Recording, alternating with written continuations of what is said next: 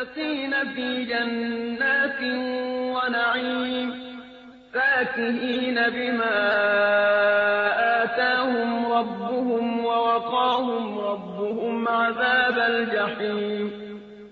كلوا واشربوا هنيئا بما كنتم تعملون.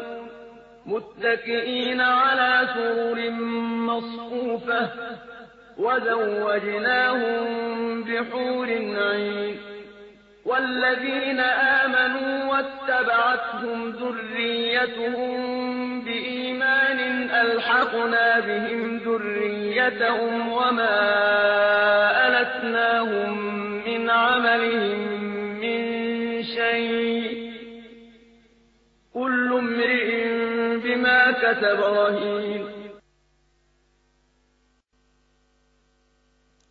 إن الحمد لله تعالى نحمده ونستعين به ونستغفره ونعوذ بالله تعالى من شرور أنفسنا وسيئات أعمالنا. من يهدي الله تعالى فلا مضل له ومن يضلل فلا هادي له. وأشهد أن لا إله إلا الله وحده لا شريك له وأشهد أن محمدا عبده ورسوله. أما بعد فإن أصدق الحديث كتاب الله تعالى وأحسن الهدي هدي محمد صلى الله عليه وآله وسلم وشر الأمور محدثاتها وكل محدثة بدعة وكل بدعة ضلالة وكل ضلالة في النار. اللهم صل على محمد وعلى آل محمد كما صليت على إبراهيم وعلى آل إبراهيم في العالمين إنك حميد مجيد. وبارك على محمد وعلى آل محمد كما باركت على إبراهيم وعلى آل إبراهيم في العالمين إنك حميد مجيد. أخرج الإمام مسلم والنسائي وأحمد وغيرهم ممن ذكرتهم في المرة الماضية من حديث حماد بن سلمة عن ثابت بن أسلم البناني عن عبد الرحمن بن أبي ليلى عن صهيب الرومي رضي الله عنه قال قال رسول الله صلى الله عليه وآله وسلم كان في من كان قبلكم ملك وكان له ساحر.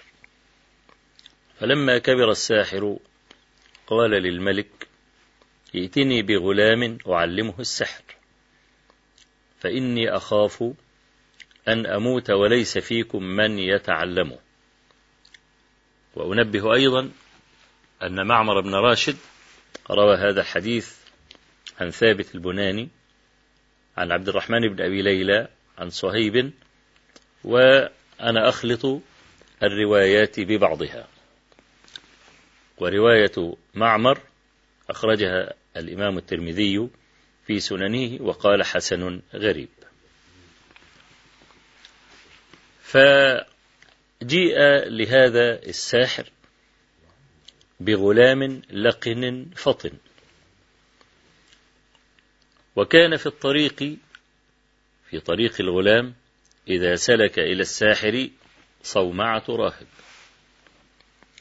فمر عليه الغلام يوما فسمعه فأعجبه كلامه ونحوه.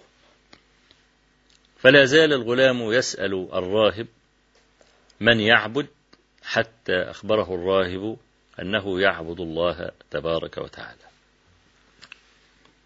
فصار الغلام يتأخر عند الراهب فإذا ذهب إلى الساحر ضربه وإذا رجع إلى أهله ضربوه فشكى ذلك إلى الراهب. فقال له الراهب إذا ضربك الساحر فقل حبسني أهلي وإذا ضربك أهلك فقل حبسني الساحر. حتى جاء يوم وخرجت دابة عظيمة فظيعة كما في مسند أحمد حبست الناس. وفي رواية معمر عند الترمذي أنها كانت أسدا.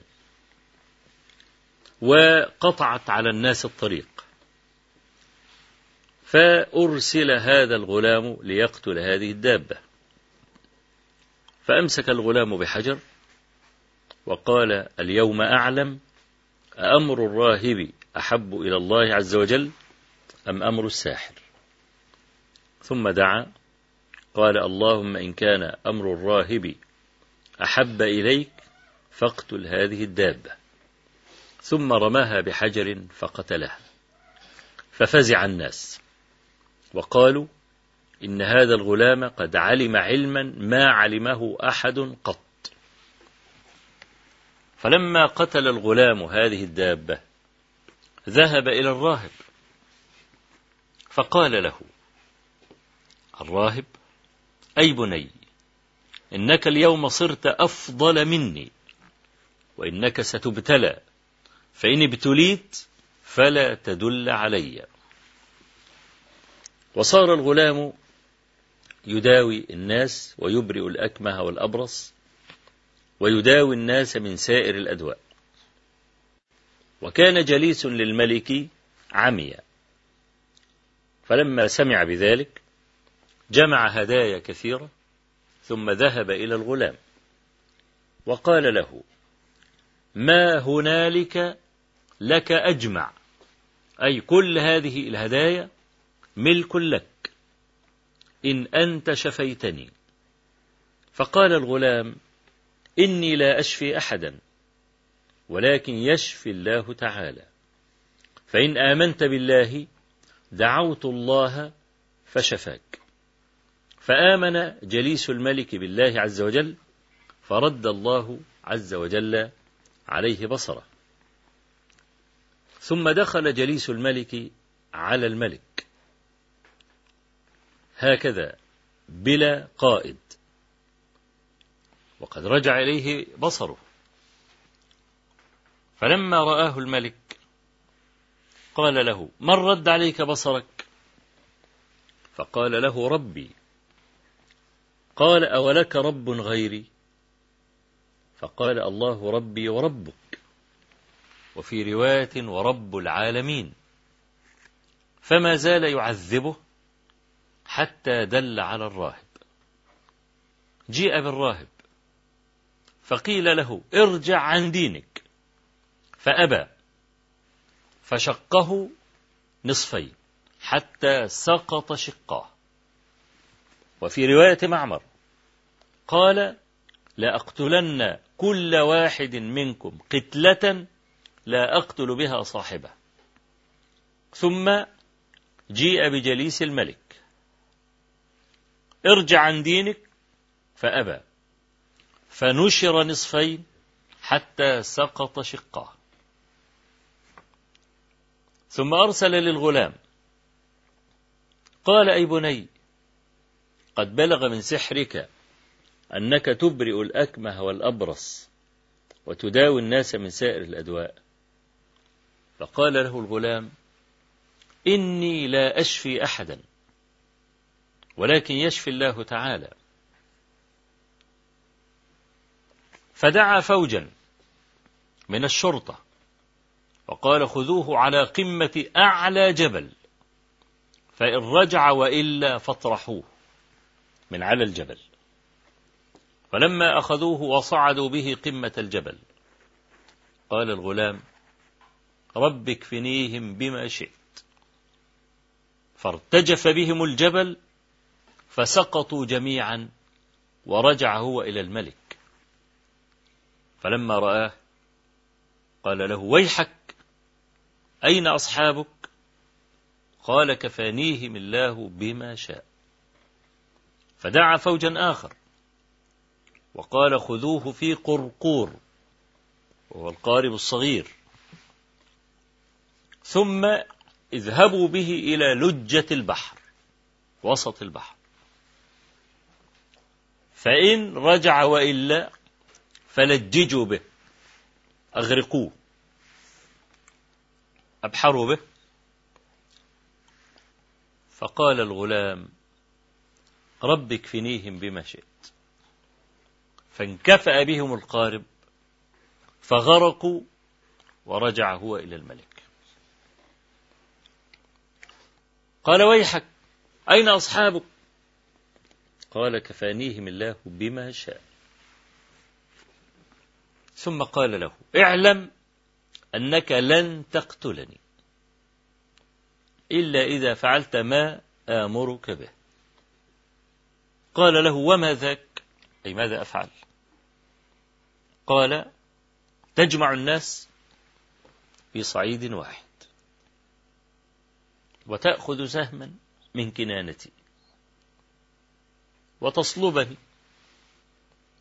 ثم تقول بأعلى صوتك بسم الله رب الغلام.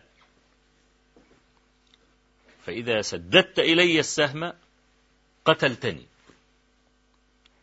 فجمع الملك الناس في صعيد واحد صلب الفتى أخذ سهما من كنانته رماه فسقط السهم في صدغه. فمات. فقال الناس جميعا آمنا بالله رب الغلام. فقالت بطانة الملك له أجزعت أن خالفك ثلاثة؟ فهذا العالم كلهم آمنوا. وقد وقع بك حذرك قال ماذا أفعل؟ قالوا له احفر الأخاديد على أفواه السكك واعرض الناس.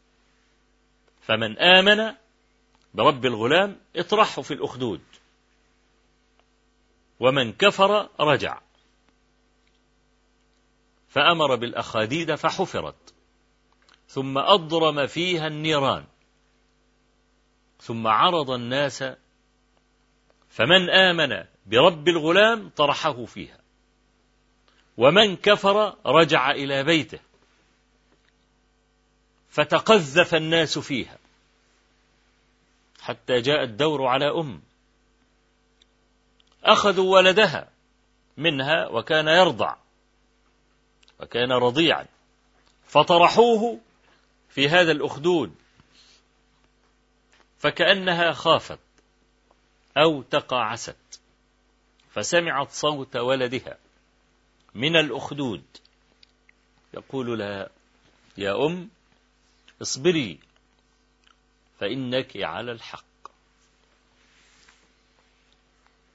وفي هذه القصة نزلت سورة البروج. قتل أصحاب الأخدود النار ذات الوقود إذ هم عليها قعود.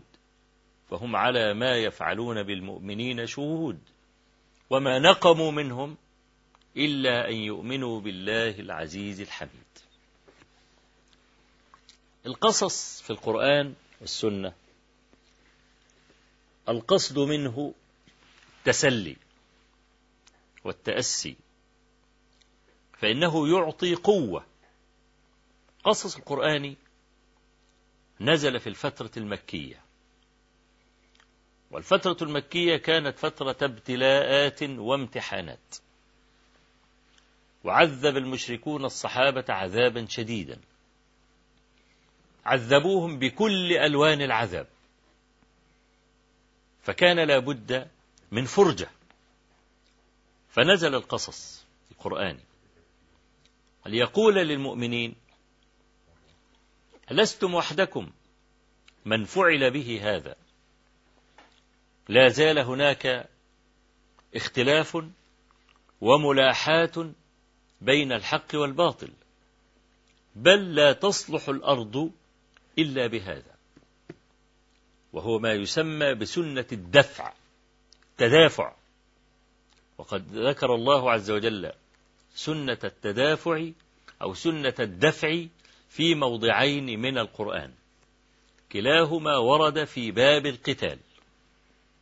قال الله عز وجل بعدما ذكر قصة طالوت وجالوت في سورة البقرة قال ولولا دفع الله الناس بعضهم ببعض لفسدت الأرض ولكن الله ذو فضل على العالمين.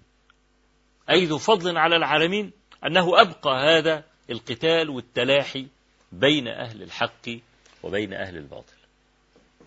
الموضع الثاني في القرآن قول الله عز وجل ولولا دفع الله الناس بعضهم ببعض لهدمت صوامع وبيع وصلوات ومساجد يذكر فيها اسم الله كثيرا ولا ينصرن الله من ينصره إن الله لقوي عزيز. يبقى لولا هذا التدافع لهدمت صوامع وبيع وصلوات ومساجد.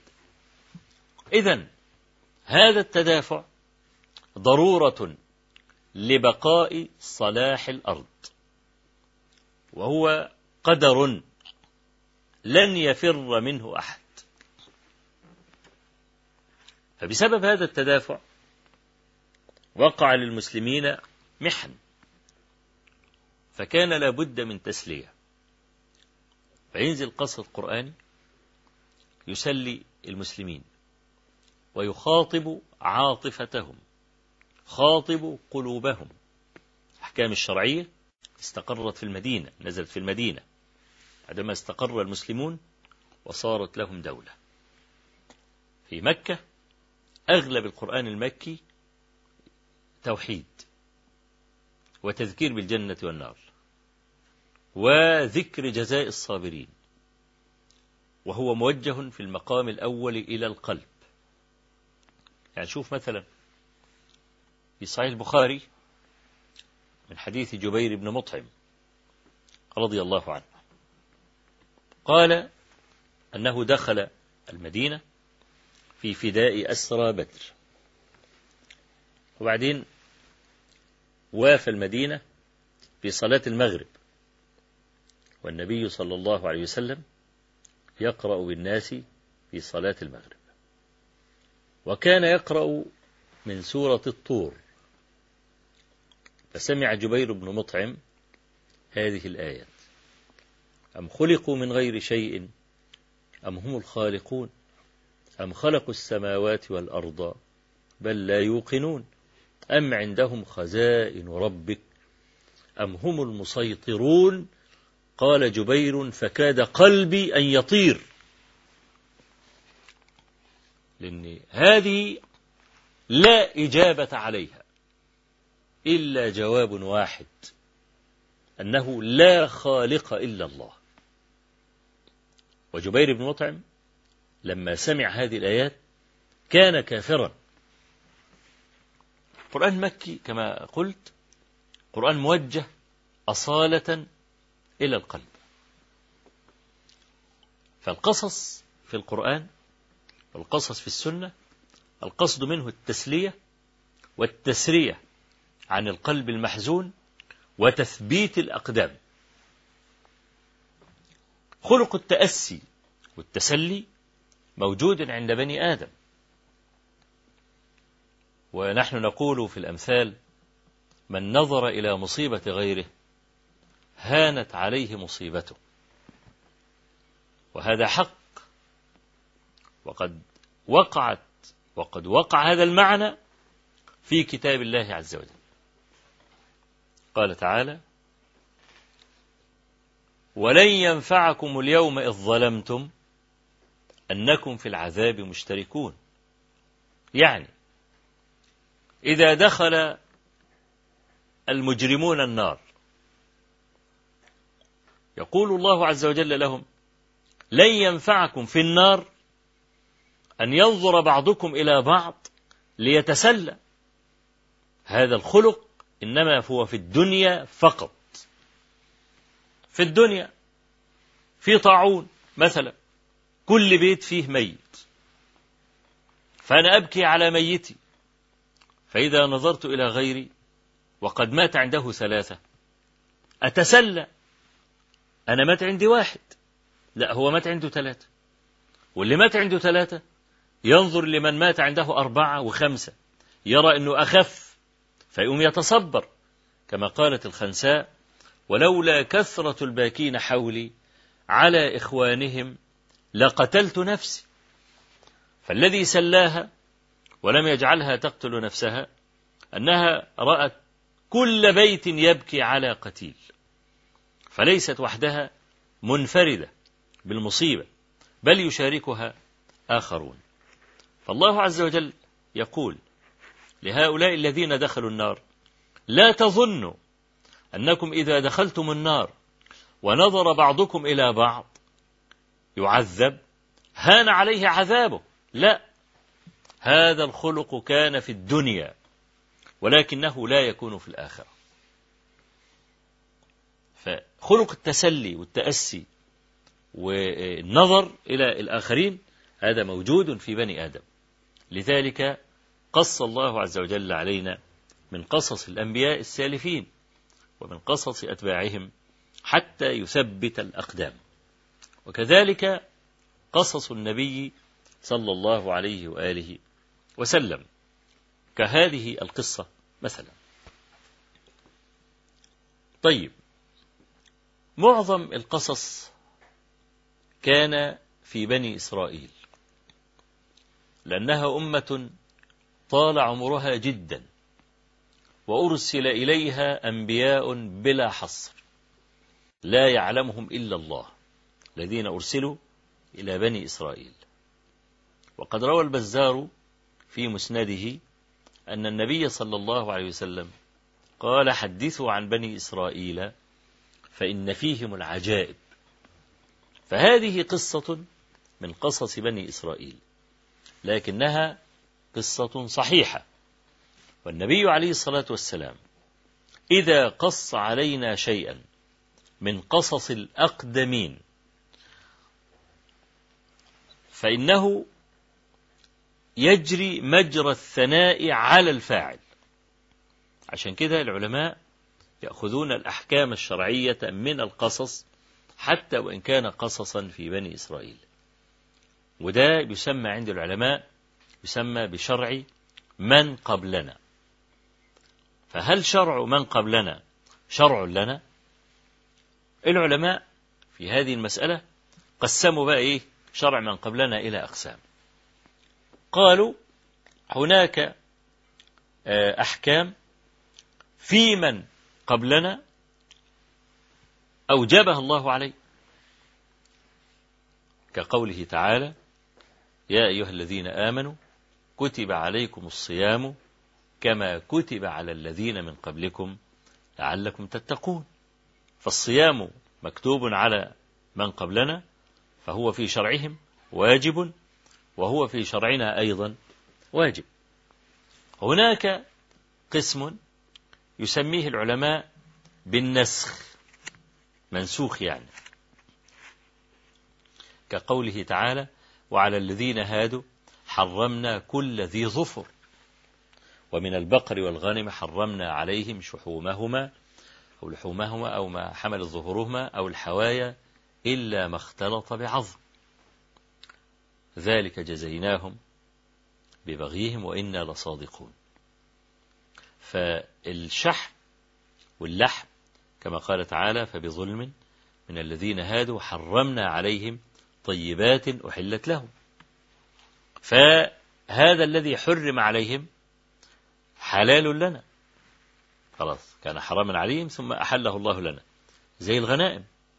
حرمها الله عز وجل على كل الأمم كما قال صلى الله عليه وسلم في حديث أبي هريرة لم تحل الغنائم لسود الرؤوس غيركم. وقال عليه الصلاة والسلام فلما رأى الله عجزنا وضعفنا أباحها لنا. ده قسم ثاني. قسم الثالث أن لم ي... في شرع من قبلنا فيه بيكون أحكام ولكن لم يدل من كتاب ولا من سنة أن هذا علينا. فده لا يحتج به باتفاق أهل العلم. في قسم بقى إيه برضو في شرع من قبلنا وجرى مجرى الثناء على الفاعل فيبقى إيه؟ يبقى من شرعنا. زي مثلا إيه؟ زي آه قصة آه كفالة زكريا لمريم عليهما السلام. وما كنت لديهم إذ يلقون أقلامهم أيهم يكفل مريم وما كنت لديهم إذ يختصمون. الذي حدث إن, أن بني إسرائيل اختصموا في كفالة مريم. كل واحد عايز يكفلها. فقال زكريا عليه السلام خالتها تحتي فأنا أولى بها. المهم لم يتفقوا. قال له طيب الأقلام التي نكتب بها التوراة نلقيها في الماء الجاري. فأيما قلم ثبت ووقف ولم يجرفه الماء يبقى صاحب القلم هو أولى بكفالة مريم. فلما ألقوا أقلامهم في الماء الماء جرف الأقلام إلا قلم زكريا عليه السلام فإنه ثبت مكانه. في بعض الإسرائيليات أن القلم كان يشق الماء بالعكس يعني إيه؟ كأنه كأن ماشي ضد تيار الماء. فكفلها زكريا. طب دي قرعة والقرعة عندنا مشروعة. وحديث الإفك في الصحيحين اللي هو مطلعه كان النبي صلى الله عليه وسلم إذا أراد سفرا أقرع بين نسائه. فأيما امرأة وقع سهمها سافرت معه. يبقى ده القرعة في المشكلات زمان كانت موجودة وعندنا أيضا مشروعة فهذا أيضا من شرعنا لأن زكريا عليه السلام القصة دي إنما جرت مجرى الثناء على زكريا عليه السلام. لكن لو في شرع من قبلنا شيء دل في شرعنا على ضده لا يجوز في هذه الحالة أن تقول أن شرع من قبلنا شرع. لنا زي إيه مثلا؟ زي قصة يونس عليه السلام. ونحن نعلم أن يونس عليه السلام ركب السفينة وبعدين كادت السفينة أن تغرق فقال صاحب السفينة إن فيكم عبدا آبقا في عبد هربان. مين العبد الهربان؟ ما فيش حد رد حد يتكلم قال نعمل قرعة وهذا قول الله عز وجل فساهم فكان من المدحضين. ساهم يعني اقترع. ساهم يعني اقترع. ودي برضو فيها تصحيح لغوي. بعض الناس يقول لك فلان الفلاني ساهم في المشروع الفلاني. لا. قل أسهم ولا تقل ساهم. لأن ساهم يعني اقترع. فساهم فكان من المدحضين. يعني جت القرعة عليه. فاستصعبوا أن يلقوا بيونس في الماء. عملوا القرعة مرة ثانية فوقع عليه. فألقوه في الماء فالتقمه الحوت. هنا بقى العلماء تساءلوا.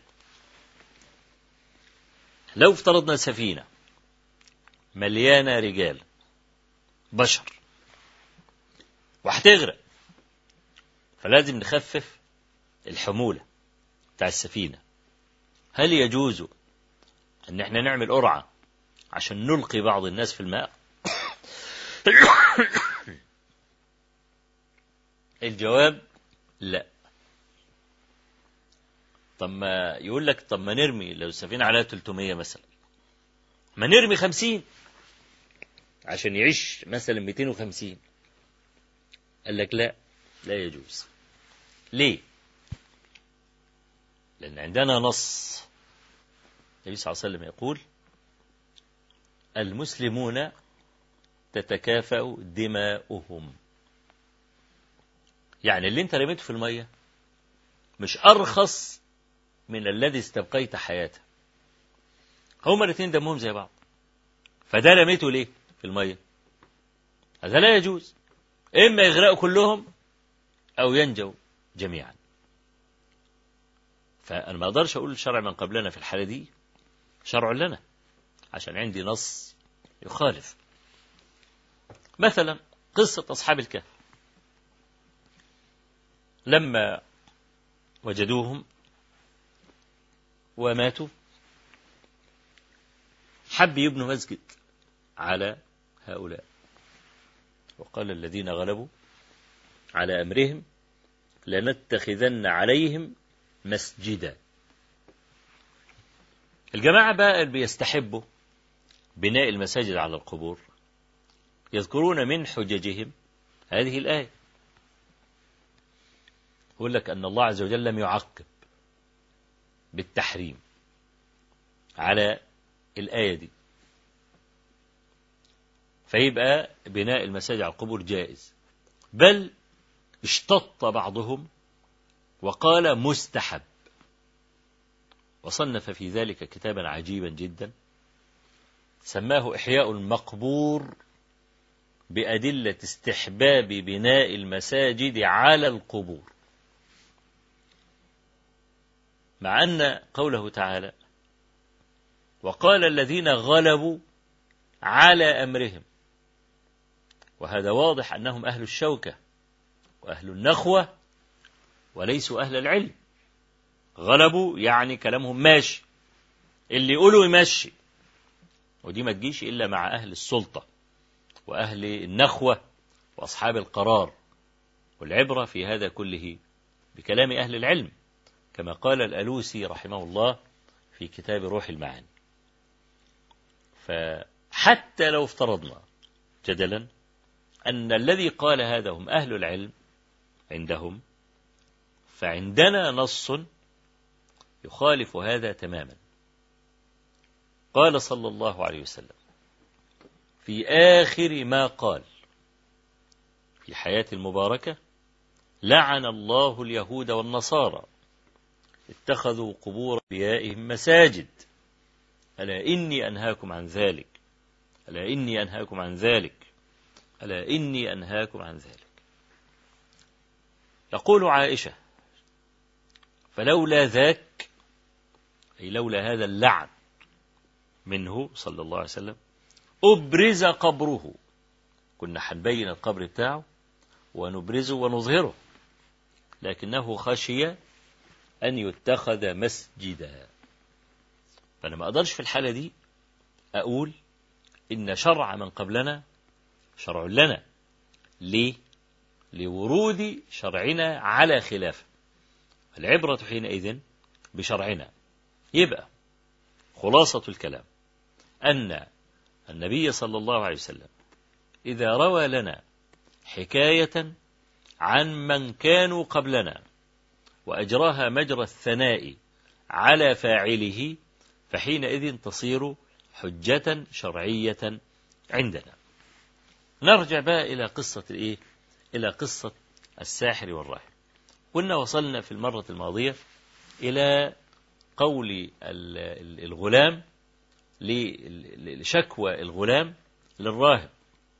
إنه إيه إذا ذهب إلى الساحر متاخرا ضربه الساحر وإذا رجع إلى أهله متاخرا ضربه أهله. فقال له الراهب إذا ضربك الساحر فقل حبسني أهلي وإذا ضربك أهلك فقل حبسني الساحر. وخرجنا هذا الكلام على أساس أنه إما أن يكون من الكذب المباح أو يكون من الايه من المعارض. وهذا مباح وهذا مباح. وخرجنا هذا الكلام على نوع من أنواع الكذب المباح الذي ورد في حديث أسماء بنت يزيد عن النبي صلى الله عليه وسلم أنه قال ثلاث من الكذب لا أعدهن كذبا. وذكر منها كذب الرجل في الحرب. فإحنا خرجنا بقى الكلام ده على أساس أنه ينزل تحت إيه؟ تحت كذب الرجل في الحرب. بعد ما الغلام تعلم وتعلق بهذا الراهب وبدأ يستمع الكلام الذي يدخل القلب بغير إذن كلام الله تبارك وتعالى بخلاف السحر. السحر كله طلاسم ويظلم القلب إذا تعلم المرء السحر. فيا يعني شتان ما بين ما يعلم ما يتعلمه الغلام عند الساحر وبين ما يتعلمه عند الراهب.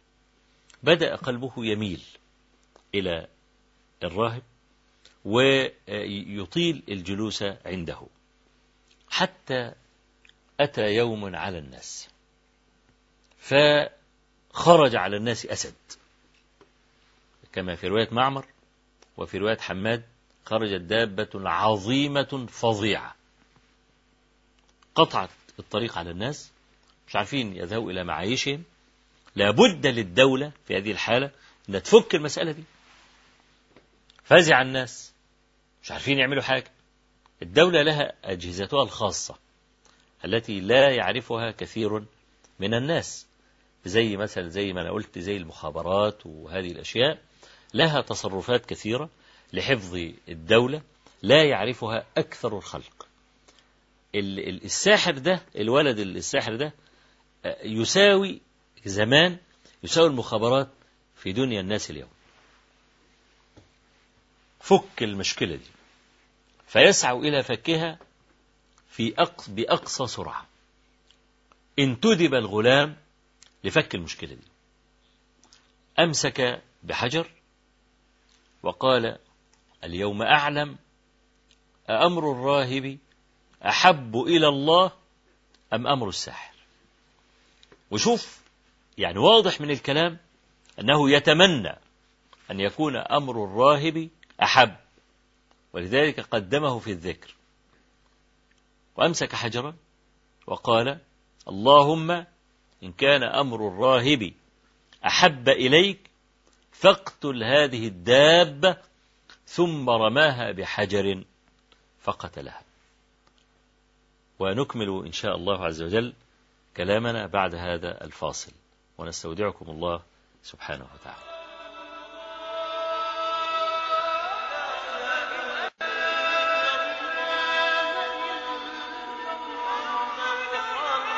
قناة الحكمة الفضائية. وإن تطيعوه تهتدوا. قناة الحكمة الفضائية. وإن تطيعوه تهتدوا. السلام عليكم ورحمة الله وبركاته. نكمل حديثنا وهو موصول بحمد الله تبارك وتعالى. قال الغلام اللهم إن كان أمر الراهب أحب إليك فاقتل هذه الدابة ثم رماها بحجر فقتلها. إذا علم الغلام بهذه الآية أن أمر الراهب أحب إلى الله تبارك وتعالى. أحتاج المسلم إلى تثبيت. ولذلك يعني بعض الناس يتمنى في المشكلات أن يرى رؤيا لأنها كما قال صلى الله عليه وسلم الرؤيا الصالحة جزء من ست وأربعين جزءا من النبوة. يحتاج الإنسان في المشكلات أن هو يرى شيئا يدله ويبصره. لهذا شرعت عندنا في الإسلام صلاة الاستخارة. إذا أقدم المرء على شيء فيصلي ركعتين كما قال صلى الله عليه وسلم إذا هم أحدكم بالأمر فليركع ركعتين من غير الفريضة ثم ليقل اللهم إني أستعلمك بعلمك وأستقدرك بقدرتك وأسألك من فضلك العظيم فإنك تقدر ولا أقدر وتعلم ولا أعلم وأنت علام الغيوب. اللهم إن كان هذا الأمر ويسميه يعني مثلا يريد أن يتزوج عاوز ينتقل من بلد إلى بلد أو يبدل وظيفة بوظيفة أي أمر أمور حياته يحتاج فيها إلى نور يبصره ويهدي قلبه ويسدد خطوة يوم إيه؟ يصلي صلاة الاستخارة ويسميه عايز يتزوج يقول اللهم كان زواجي من فلانة ويسميها أو نقلي كالفلاني ويسميه خيرا لي في ديني ودنياي وعاقبة أمري آجله وعاجله فيسره لي. كان شرا ديني ودنياي وعاقبة أمري فاصرفه عني واصرفني عنه. وقد واقدر لي الخير حيث كان ثم ارضني به. طيب بعض الناس يقول لك طب أنا اللي عرفني؟ ماذا أفعل؟ في بعض أهل العلم ذكر آه أن الإنسان ممكن يرى رؤيا فينجرح صدره. لا. ليس هذا بالضبط. الإمام الحافظ بن حجر العسقلاني رحمه الله يقول كلاما معناه لا ينبغي له أن يقدم على شيء كان له فيه هوى قوي قبل الاستخارة. يعني هو نفسه يتزوج إنسانة معينة وبيحلم ليل نهار إن دي تكون مراته وأن يجمعهما سقف واحد. فالعادة إن ده مع كثرة إقباله على هذا الأمر سواء كان زواجا أو غيره يعني ممكن نفسه تريه إن الخير في دي بسبب شدة هواه في المسألة. طيب أمال نعمل إيه يعني؟ في الاستخارة حتى تثبت الإنسان. الإنسان بيستخير وبعدين ما لا يرى رؤية ويستخير تاني ولا يرى رؤية. كتير من الناس لا لا يرون رؤى. طب ده يعمل إيه؟ خلاص يستخير ثم يقدم على الأمر. إذا لقى الدنيا متفتحة مفيش مشاكل كل حاجة مفتوحة خلاص. دي بتبقى علامة. لا كل ما يفتح باب يتقفل باب. يعالج الباب اللي اتقفل يفتحه يتقفل له باب. وهكذا. والدنيا واقفة معاه في هذه الحالة ينصرف. لكنه على أي حال يطلب التثبيت. عايز أي حاجة تثبته. لا سيما إذا كان وحيدا فريدا. لا تنسوا أيها الإخوة أن هذا الغلام هو المؤمن الوحيد في هذه المملكة مع هذا الراهب. وإذا كان في بعض رهبان ولا حاجة لكنهم لزموا الصوامع ولا أحد يجهر بالدعوة إلى الله تبارك وتعالى. زي ما قلنا في المرة اللي فاتت إن كان في بني إسرائيل ملوك والملوك دول حرفوا كتاب الله عز وجل. وأهل العلم واقفين بقى. الملوك يقولوا القانون الفلاني أهل العلم يقولوا ده غلط ما يصحش. فالبطانة قالوا للملوك قال هو أنتوا هتتركوا هؤلاء يشغبوا علينا وكل ما نعمل قانون يقول لك حرام وبتاع والكلام ده اقتلوهم وريحوا البلد منهم جابوهم فانقسموا إلى ثلاثة أقسام كما ذكرت في المرة الماضية. من الثلاث أقسام دول قوم لازموا الصوامع. يعبدون الله عز وجل ويأكلون من خشاش الأرض وما لهمش علاقة بالدنيا. انعزلوا عن المجتمع. خلاص؟ فلا أحد يشعر بهم. وطبعا واضح أن الملك كان كافرا بألوهية كافرا بالله بألوهية رب العالمين ينكرها. ده حتى لما لما بيقول له من رد عليك بصرك؟ يقول لجليسه قال ربي قال أولاك رب غيري.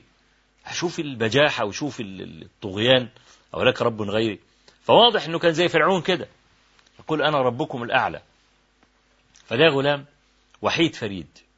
والحقيقة لما يكون المؤمن وحيدا ده ضرب من العنت. ضرب من العنت. إنما أهل الإيمان إذا تجمعوا في مكان واحد يعطي هذا دفئا. دفء والتواصل خلي الإنسان يصر على الحق ويشعر إن هو سعيد وإن هو محظوظ إنها إنه ربنا عز وجل هداه إلى هذا الحق. يعني شوف مثلا آه لما أوجب الله عز وجل الهجرة على المسلمين وقطع الولاية عمن لم يهاجر وهو قادر على ذلك وعذر الله عز وجل المستضعفين عن الهجرة فذكر المفسرون أن في رجل كان كبيرا وبعدين عاجز عن الهجرة إلى المدينة. لكنه لم يتحمل برودة الكفر في مكة آنذاك. عايز يلتحق بالركب المؤمن عشان يعيش معاه. عشان نوع من التفاعل نوع من الألفة تعينه على مواصلة السير إلى منتهى منزله. فلم يتحمل هذا الرجل فأصر على أن يهاجر. والطريق من مكة إلى المدينة في حدود 450 كيلو. والرجل ده واخدها على رجليه.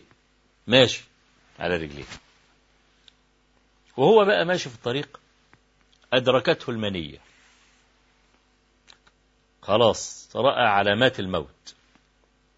وعلم أنه لن يصل إلى المدينة. فضرب كفا بكف. كده. كف. قال اللهم هذه بيعتي لك. اللهم هذه بيعتي لنبيك.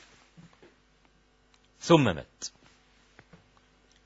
فنزل قوله تعالى ومن يهاجر في سبيل الله يجد في الأرض مراغما كثيرا وسعة. ومن يخرج من بيته مهاجرا إلى الله ورسوله ثم يدركه الموت فقد وقع أجره على الله. شوف فقد وقع أجره على الله. لم يعين له أجرا. يقول مثلا في جنات عدن أو في المكان المنزل الفلاني لا. ليدل على عظم الجزاء. يعني هذا الإبهام يدل على عظم الجزاء. يعني شوف زي إخوة يوسف لما وضع بقى وضع الصواع الملك في رحلهم وبعد اتهموا بالسرقة. قالوا فما جزاؤه إن كنتم كاذبين؟ هنفتشكم أهو. طب لو أنتم كذابين ولقينا الصواع عندكم نعمل فيكم إيه؟ قالوا جزاؤه من وجد في رحله فهو جزاؤه. يعني اللي تعملوه فيه حلال فيه. مش جزاؤه من وجد في رحله أن يجلد؟ لا. إذا عين عينت العقوبة ده غير لما تبهم العقوبة يبقى ده واقع تحت سلطان أي عقوبة كانت. يبقى هذا أبلغ وهذا أعظم. وهذا برضو كقوله صلى الله عليه وسلم حديث عمر بن الخطاب المشهور على ألسنة الناس. إنما الأعمال والنيات وإنما لكل امرئ ما نوى. فمن كانت هجرته إلى الله ورسوله فهجرته إلى الله ورسوله. أهو خلاص أبهم الجزاء. ما قالش بقى فمن كانت هجرته إلى الله ورسوله فله كذا أو كذا. لا فهجرته إلى الله ورسوله. اتحد الشرط والجزاء للدلالة على عظم الجزاء. فهذا الرجل لم يتحمل برودة الكفر وإنه لوحده. فتمنى خرج بقى من مكة المدينة. أصعب حاجة في الدنيا أن يكون المرء وحيدا فريدا. نبتة في مناخ مخالف. فعايز أي تثبيت. يريد آية. لذلك لما أمسك الحجر قال اللهم إن كان أمر الراهب أحب إليك فاقتل هذه الدابة. ورماها بحجر فقتلها. خلاص. عرف القصة بقى. وتبين له أن الراهب على حق. ده بقى بيخلي الإنسان ماشي في الدنيا قلبه زي الحديد. ليه عنده اعتقاد راسخ. الناس أول ما الغلام قتل هذا الأسد؟ أمين من قتل الأسد. قالوا الغلام؟ الناس بقى بدأت يعني تعرف وتلتفت إلى قدر هذا الغلام.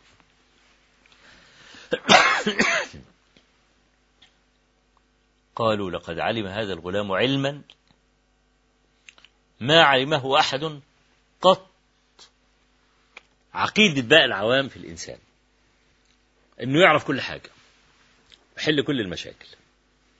وإذا ذهب إذا ناب أحد من العوام شيء يذهب لهذا الرجل المشهور. تحط عليه عبء كبير وهو عبء الشهرة. والشهرة بلاء. بلاء عظيم.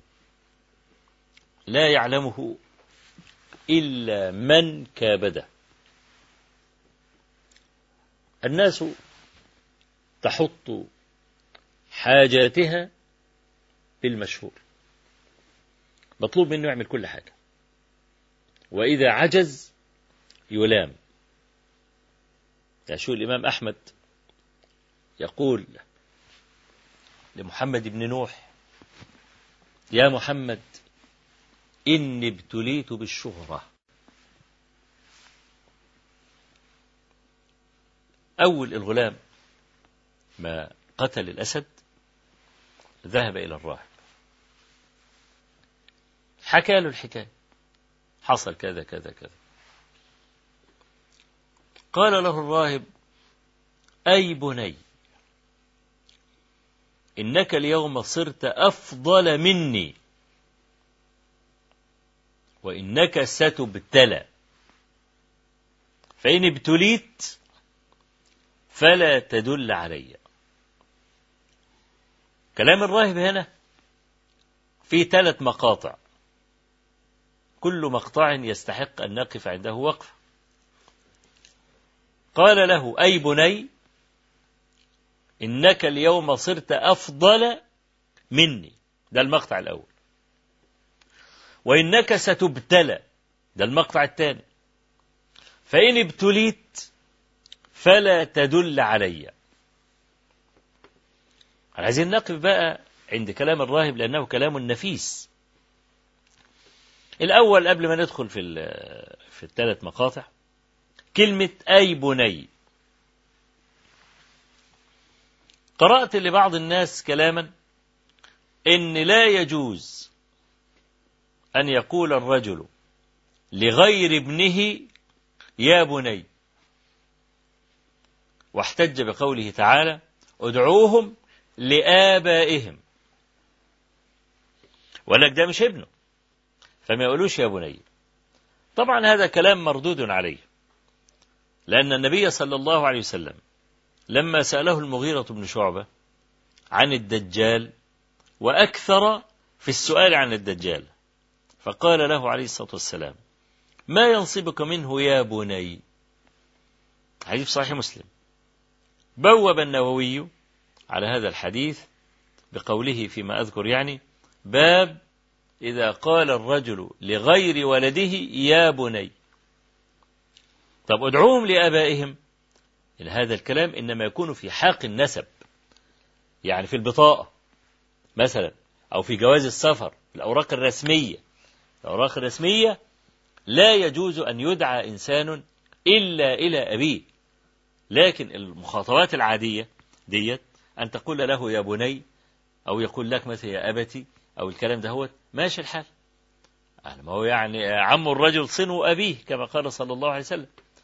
الولد بيقول لعمه يا أبي. إحنا كنا نقول لعمامنا زمان يابا. فده ما هو ده ليه هو ده أبوه؟ فعلا؟ لا مش أبوه بس أخو أبوه. أخو أبوه. فلو الإنسان قال له يا أبتي مثلا لعمه فلا بأس أن يقول شيئا من هذا. قال أي بني إنك اليوم صرت أفضل مني. ده بقى التواضع.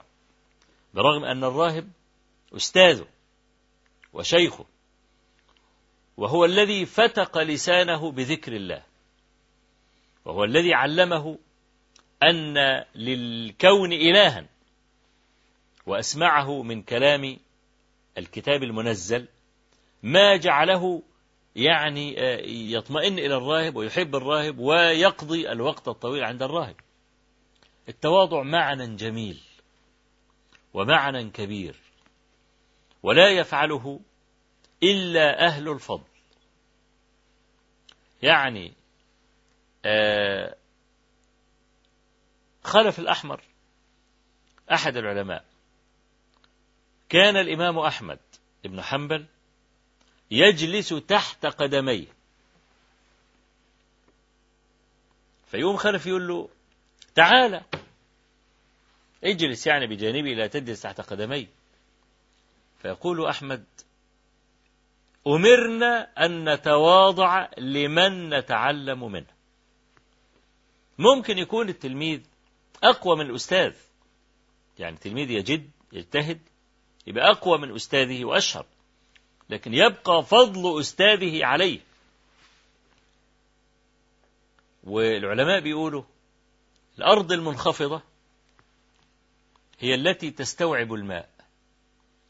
والجبال لا تحمل ماء. يعني شوف لما يكون جبل عامل كده. وفي مطر وفي وادي وادي يعني منخفض.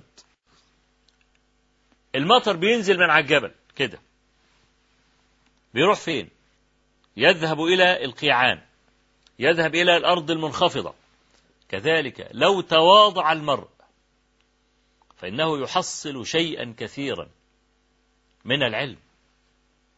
عشان كده آه الراهب العالم قال إنك اليوم أفضل مني. وهذا الفضل بيترتب عليه واجبات. زي ما بنقول القوامة. رجل الله عز وجل أعطى القوامة للرجل مش منجاها كده ولا إنه يكبس على نفس المرأة ولا إنه يعذبها والكلام ده لا. القوامة دي في مقابلها واجبات لابد أن يقوم بها. وكلام الحقيقة أهل العلم في التواضع كلام كثير جدا يحتاج إلى حلقة مفردة نتكلم عن التواضع وخفض الجناح لا سيما من الكبار من الكبار. يعني أذكر مرة داود بن علي إمام المذهب الظاهري والإمام أحمد كان متجنبا له. المهم داود ده كان يعني جعبة ملآنة بالعلم. في يوم من الأيام وهو جالس بيدي الدرس للطلبة جاء رجل رث الهيئة. هدومه كده مبهدلة مش باين عليه سيما فضل. قام قاعد جنبه. وبعدين قال لل قال للجماعة الطلبة كده إيه ها أي سؤال؟ مش حد عايز يسأل سؤال؟ قال طب داود جالس. فاغتاظ داود. فقال له داود نعم كلمنا في الحجامة. عايز يقول له اتكلم يا رخم. يعني في الحجامة رجل حجام بيتعامل مع الدم. والدم نجس على أرجح الأقوال. فراجل بقى شغال في في, في النجاسة والبتاع ده والكلام ده. فقال له قول لنا حاجة في الحجامة قال فجث الرجل على ركبتيه وتكلم في الحجامة بكلام عجيب. أولا جاب الحجامة من لدن آدم عليه السلام. والحجامة في الأمم السابقة. كل هذا بحدثنا فلان عن فلان عن فلان. وذكر أحاديث الحجامة بأساندها وعللها. الحديث ده ضعيف والحديث ده فلان مثلا صحيح والراوي ده وهم في اللفظة ديت ومش عارف إيه والكلام ده. والتعارض اللي بين الأحاديث فك التعارض واتكلم عن فقه الحجامة. وأول من احتجم من بني آدم. كل ده بيتكلم وداود مذهول من العلم اللي عند الرجل ده. قال داود فعاهدت نفسي بعد هذا الموقف ألا أحتقر أحدا. آه في الزوايا خبايا وفي الناس بقايا فإياك ثم إياك. أن تتعالى على الخلق وتظن أن أنت بقى قبة لا. لا تقس الناس بثيابهم. فإن تحت الثياب جوهر. شوف الشافعي رحمه الله دخل بعض مساجد العراق وكان غريبا. فتمنى إن حد من المسجد يضيفه. ياخده عنده يعزمه بتاع. المهم كلهم صلوا وتركوه. لرثاثة ثوبه وأنه لا يفطن إلى مثله. فأنشد قائلا علي ثياب لو يباع جميعها بفلس لكان الفلس منهن أكثر وفيهن نفس لو يقاس ببعضها نفوس الورى كانت أجل وأكبر. آه بيقول يعني الثياب اللي هو فيها لا تساوي فلس لكن الإنسان اللي جوه الثياب حاجة كبيرة جدا جدا. وأنا أشبه لك يعني الكلام ده بإيه؟ يعني مثلا لو أنت رايح تجيب فلوس ليك فلوس يعني في خزنة ولا في حاجة بتاخد مثلا مئة ألف مئتين ألف تلتمائة ألف بتحطهم في إيه؟ مش في كيس بلاستيك مثلا؟ أو في شنطة. طب الكيس البلاستيك لو أنت معاك مئتين ألف تلتمائة ألف خمسمائة ألف حطيتهم في كيس بلاستيك. الكيس ده ثمنه كام؟ ثمنه 10 قروش مثلا؟ أو مثلا نص جنيه ولا أقل من ربع جنيه؟ يعني كيس بنصف جنيه أنت حاطط فيه نص مليون. طب والكيس ده يطلع إيه بقى؟ ما هو ده بقى ال ال ال الكيس ده هو ملابس البني آدم. فأنت ماضي في طريقك لا تحتقر أحدا. وظن أنك أقل الناس. كده يرتقي الإنسان. كما قال صلى الله عليه وسلم. من تواضع لله رفعه. لا سيما إذا كان شيخك. إحنا في زمن العقوق. بكل أسف. يأتي مثلا طالب من الطلاب يتعلم على شيخ من الشيوخ. ولولا أن الله قيض هذا الشيخ لهذا الفتى ما كان شيئا يذكر. كبر. لجد شيخه أخطأ في مسألة في مسألتين. يبدأ بقى بدعوى النصيحة إن هو يقرض عرض شيخه. وهذه مشكلة كبيرة الحقيقة. أنا أبين شيخي أخطأ ماشي.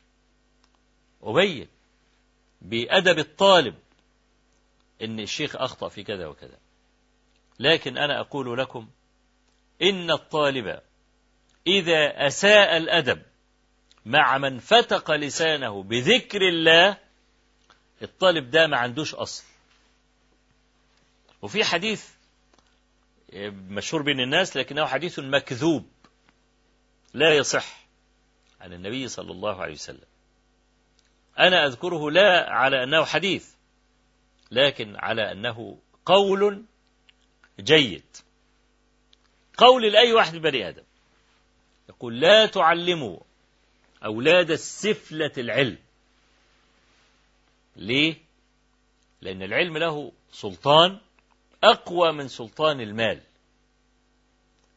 العالم يمتلك الحجة والحجة إنما توجه إلى القلب. فإذا خضع القلب استكانت الجوارح.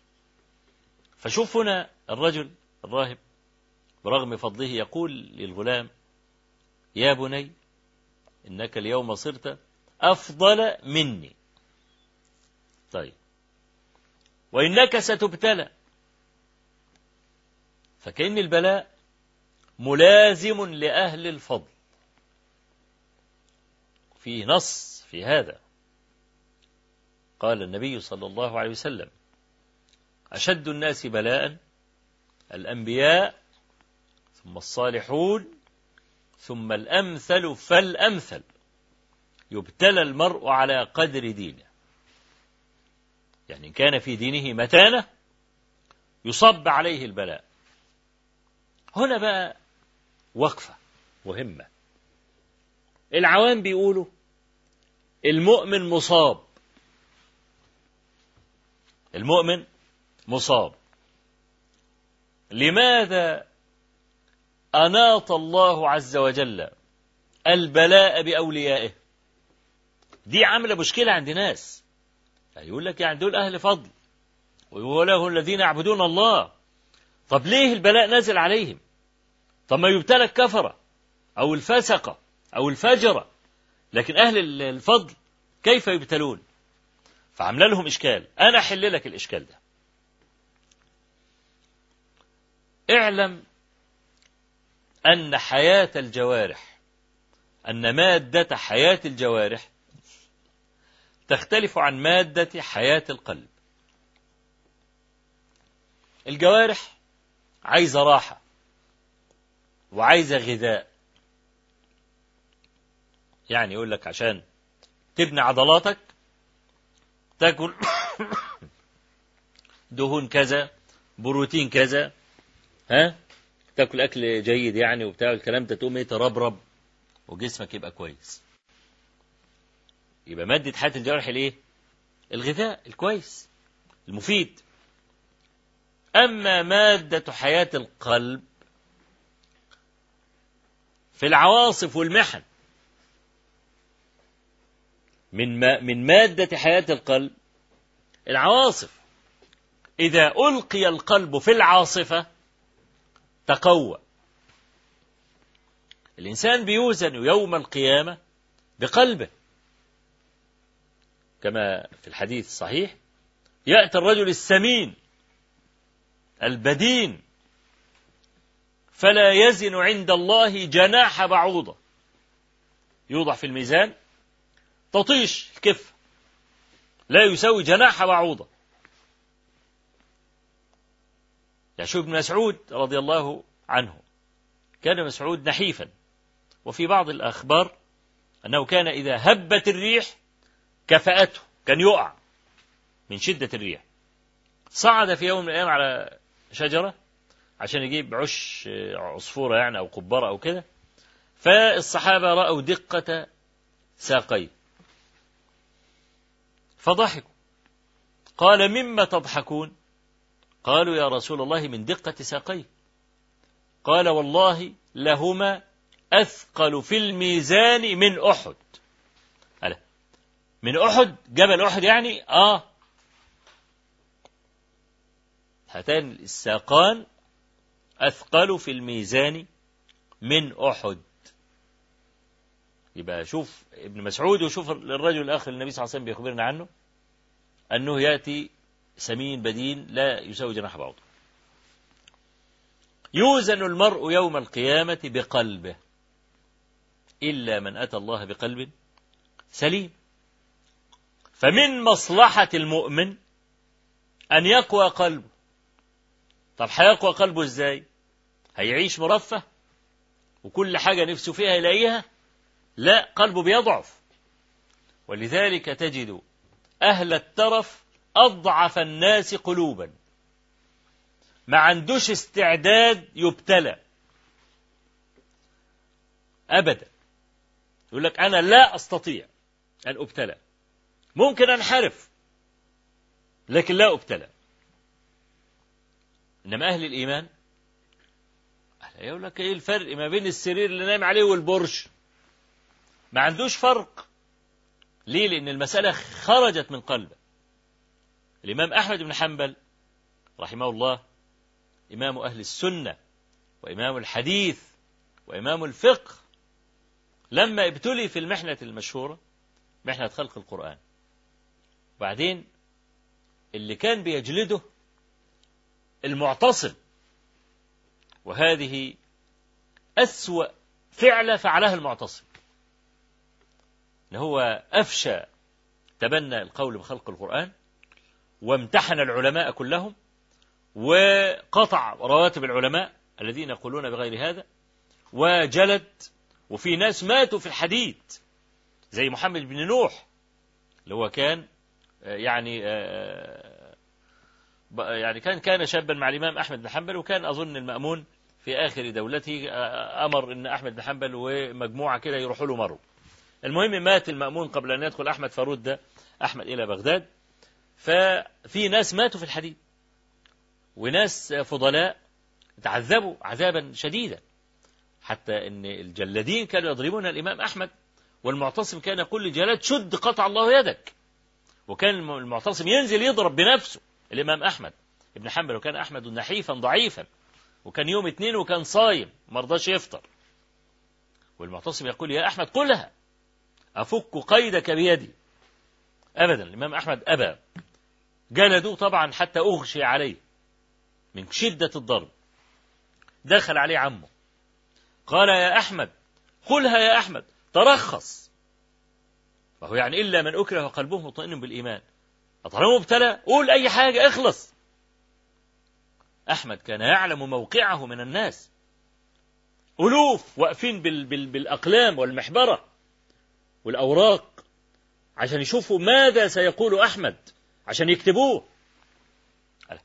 طب هذا العالم اللي كل الدنيا بتعتقد أنه عالم إذا فرط في الحق وترخص والناس لا يعلمون أنه مترخص يكون من جراء ذلك أن يضيع هذا الحق. فيندب العالم إلى الصبر. فالعم الإمام أحمد بيقول له يا أحمد قلها فقال له يا عمي إني عرضت نفسي على النار وعلى السيف فوجدتني لا أحتمل النار. لما يتحط في البلاء الإمام أحمد قبل المحنة كان إماما في الحديث والفقه. بعد المحنة صار إماما في السنة. لأن ممكن الإنسان يكون يكون إماما في الحديث بس مش في السنة إماما في الفقه لكن مش في السنة. إمامة السنة شيء كبير. فالقلب لما يوضع في المحن في الابتلاءات يقوى.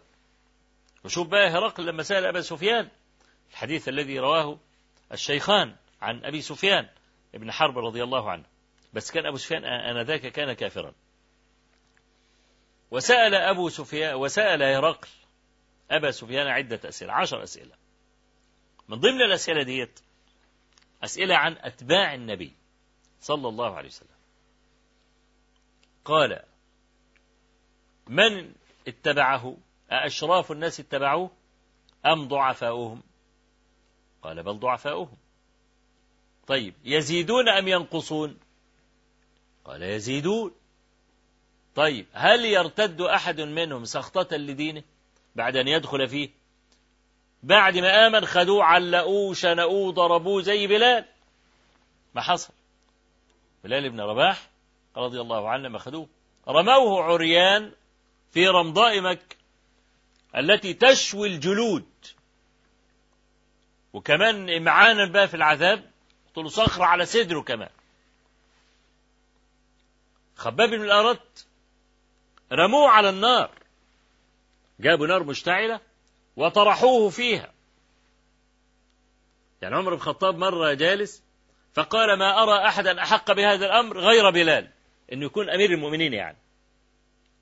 فخباب بن الأرت حكى لعمر ابن الخطاب رضي الله عنه ما جرى له. إن هم أوقدوا نارا وطرحوه فيها. وكشف خباب ظهره لعمر. فارتاع عمر من منظر ظهر خباب. قال خباب والله ما أطفأ النار إلا ودك ظهري. الشحم بتاعي لما سال طفى النار. هذا بلاء عظيم. يبقى يبتلى ويؤمن فيبتلى. المتصور إنه يهرب. يترك الإيمان الذي جر عليه كل هذا العذاب. لا ما بيتركش الإيمان. ودي من العجائب. عشان كده بيقول لي يزيدون أم ينقصون؟ قال بل يزيدون.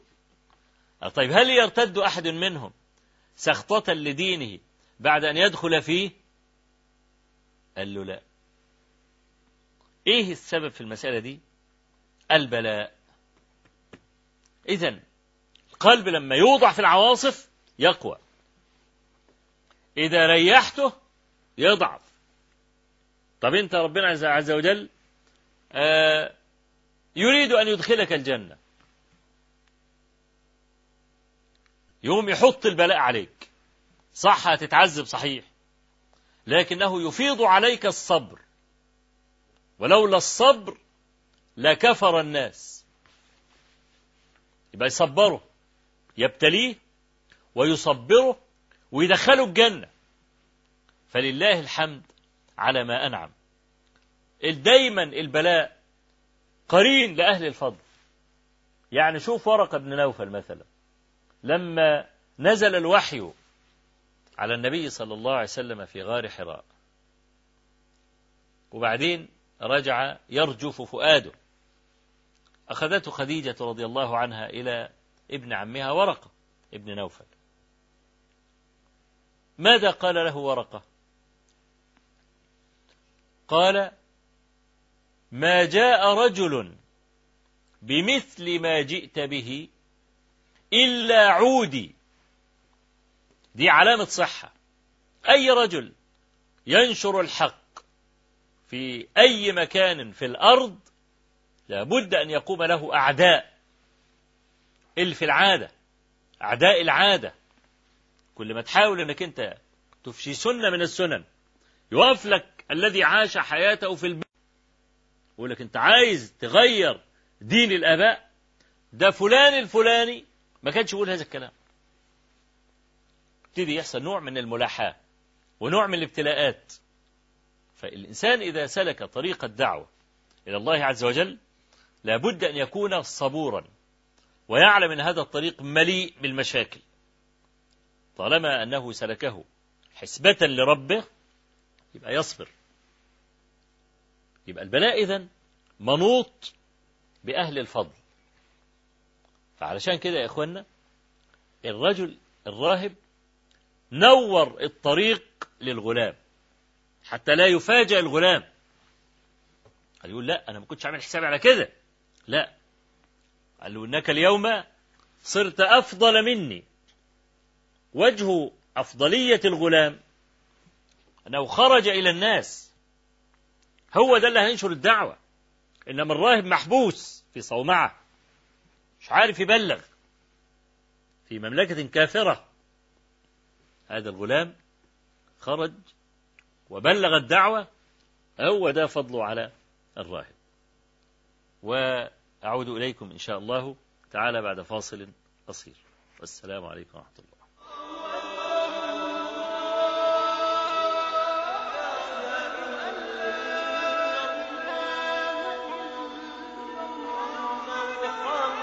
قناة الحكمة الفضائية. وإن تطيعوه تهتدوا. بعث الله نبيا ولا رسولا إلا ودعا قومه أول ما دعاهم إلى التوحيد. الهم الأول والأوسط والأخير والأكبر للمسلمين هو التوحيد وهو العبادة وهو العقيدة. يا أمتي الحبيبة يا من سكن حبك قلبي لن يكون الأقصى في قلوب الأمة إلا إذا جددنا قضية التوحيد إلا إذا جددنا قضية العقيدة. أي جهد يبذل الآن بعيدا عن تحقيق التوحيد وتأصيل التوحيد إنما هو جهد ضائع. الخطوة العملية الأولى أن تكون الأمة على بصيرة بالتوحيد بل هي أمة التوحيد. فالإسلام عقيدة. تنبثق منها شريعة. تنظم هذه الشريعة كل شؤون الحياة ولا يقبل الله من قوم شريعتهم إلا إذا صحت عقيدتهم.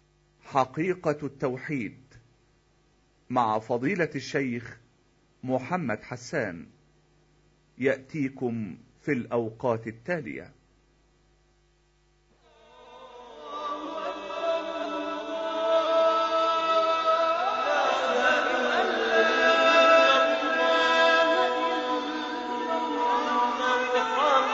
قناة الحكمة الفضائية.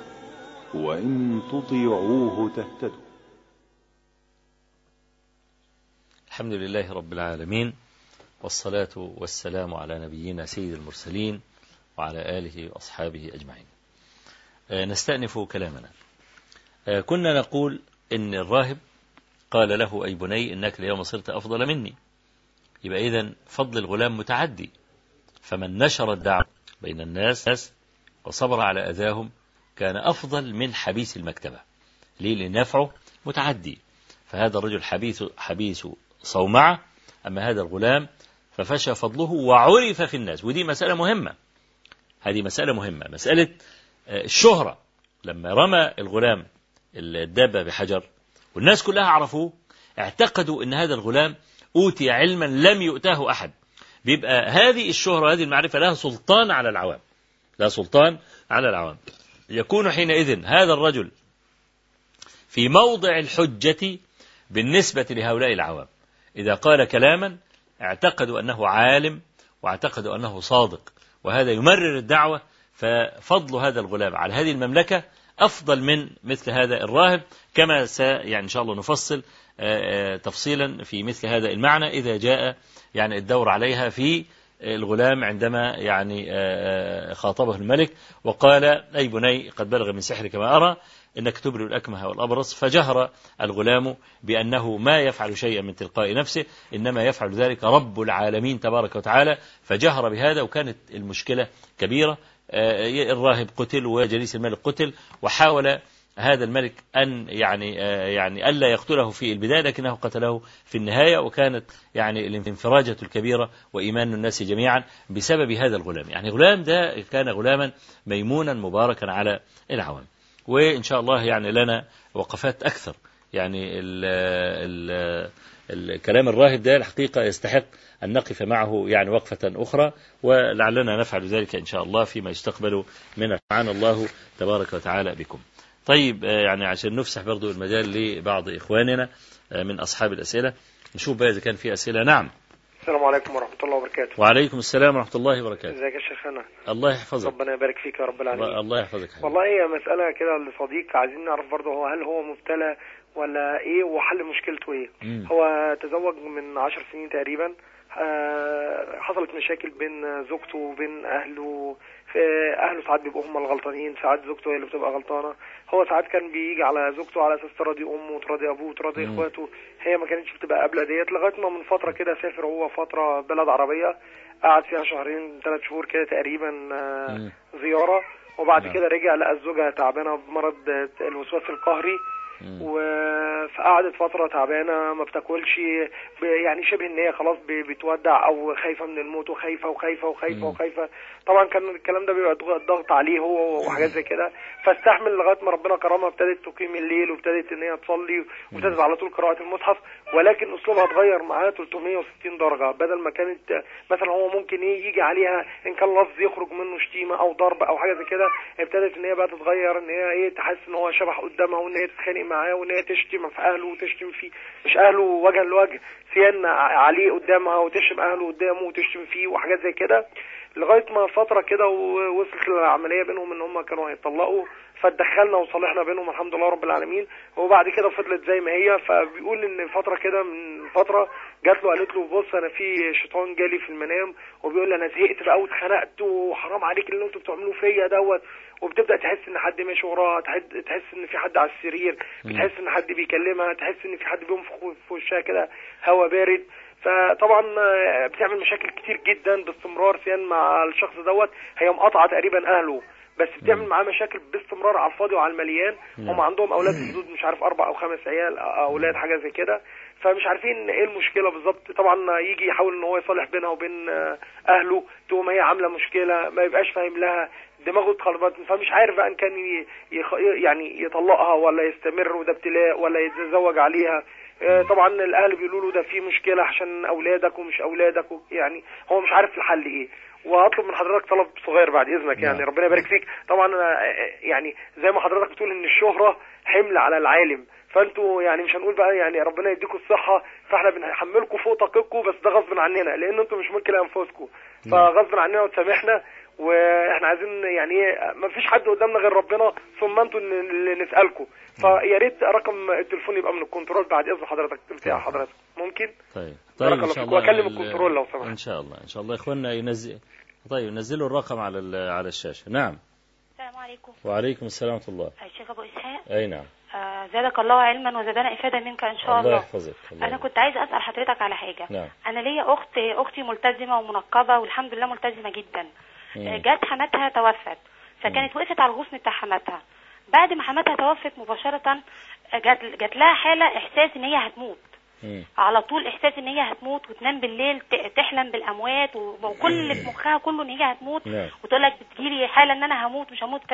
ازدادت التزام في إن هي كان في عادات وحشة بتعملها بطلتها برضو وكده بقت الحمد لله أحسن. نعم. بس هي لحد الآن مش قادرة تخرج من إحساس إن هي هتموت. الكلام ده بقاله أكتر من شهرين. نعم.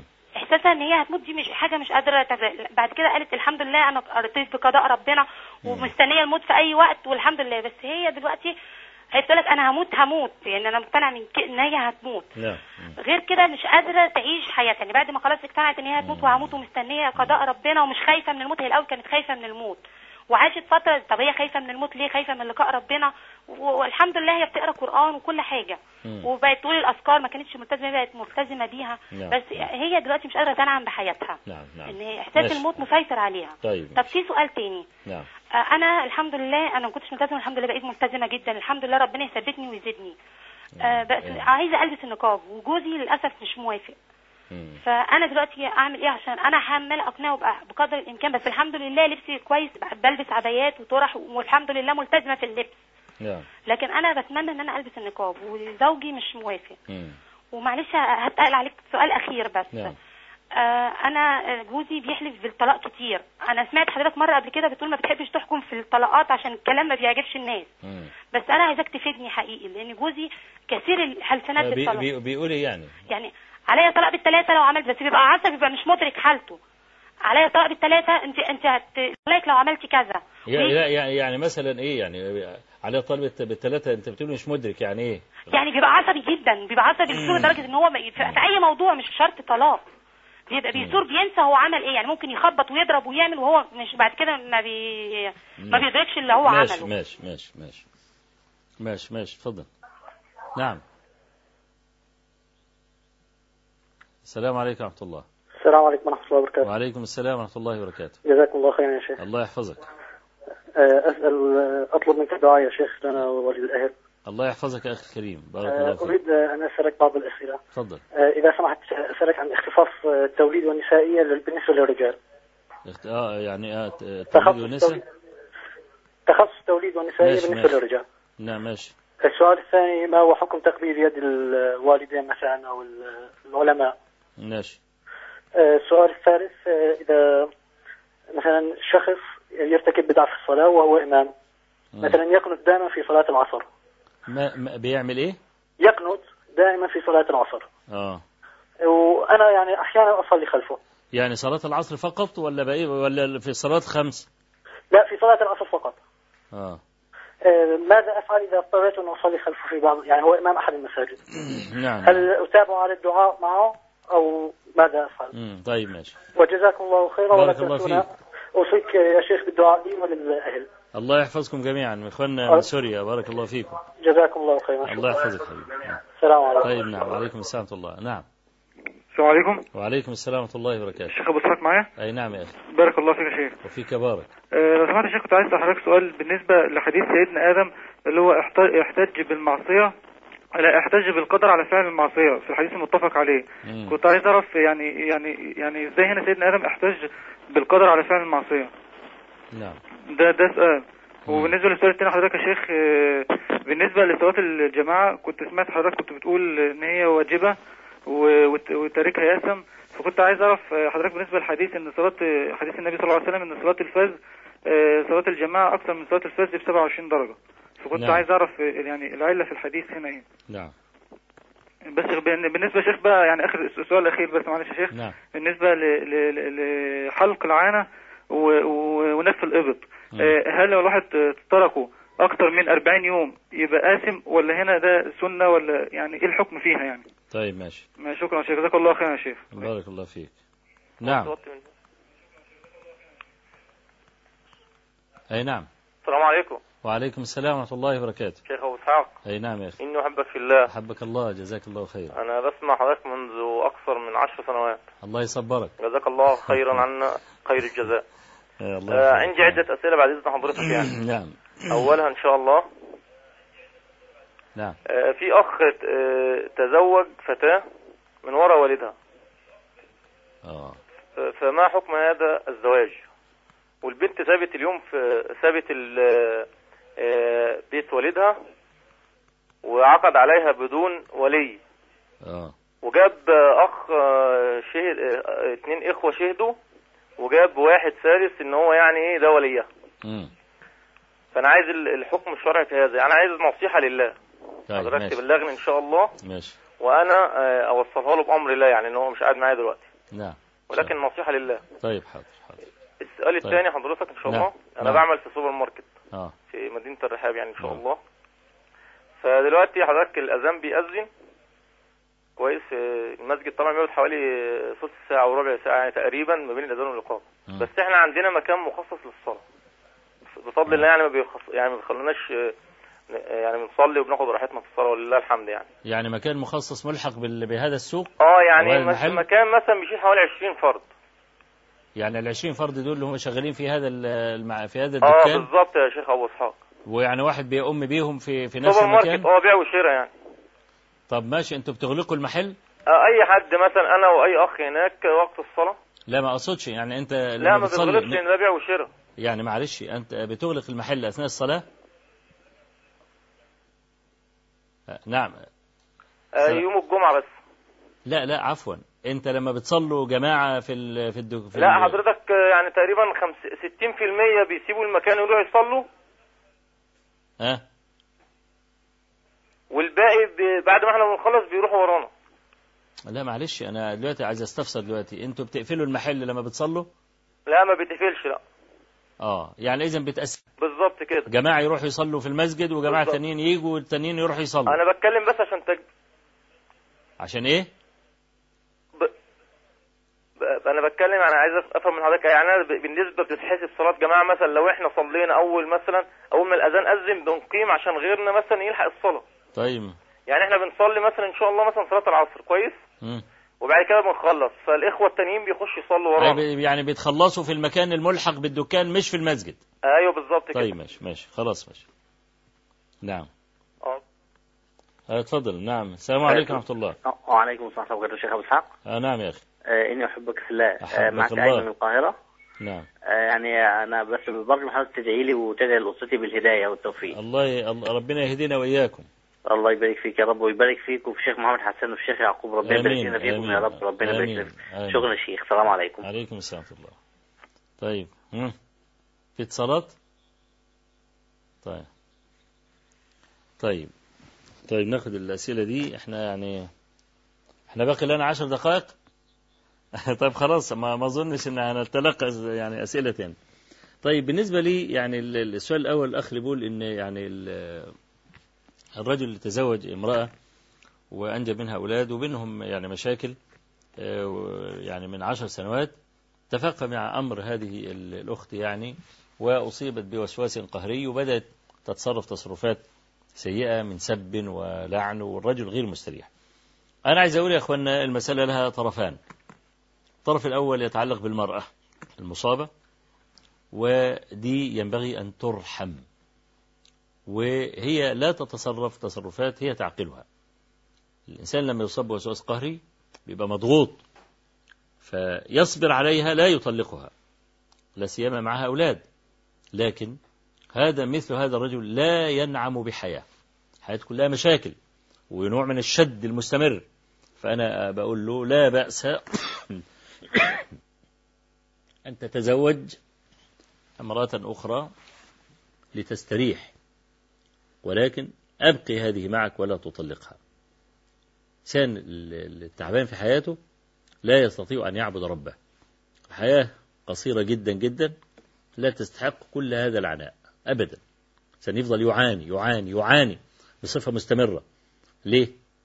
إذا كان لا يستطيع أن يستريح في بيته يبقى عنده امرأة أخرى.